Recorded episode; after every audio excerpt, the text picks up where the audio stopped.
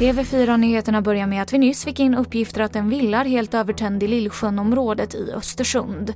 Polisen har spärrat av på området och släckningsarbetet pågår. Enligt räddningstjänsten så finns det inga uppgifter om vad som är orsaken till branden och det är fortfarande oklart om det har varit personer i villan.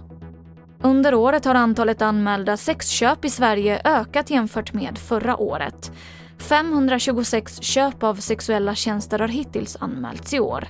Detta att jämföra med totalt 765 brott under hela förra året. Och enligt polisen beror det här dels på polisens ökade resurser för att gripa sexköpare men också på tips från allmänheten som har ökat på grund av den mediala uppmärksamheten som frågan haft under våren, skriver DN. Och jag avslutar med att berätta att flera av coronavirusen som drabbat världen har spridits av fladdermöss. Och många som fått in fladdermöss i huset hör av sig till Länsstyrelsen och är oroliga för att smittas. Men att ett virus skulle kunna föras över till människor och starta en pandemi, den risken ses som minimal. Tom Arnbom på Världsnaturfonden säger så här. Vi ska inte sticka under stol, det är mycket möjligt att det är fladdermöss som ligger bakom många av de här sjukdomarna. Eh, men det är inte de fladdermöss som finns i Sverige.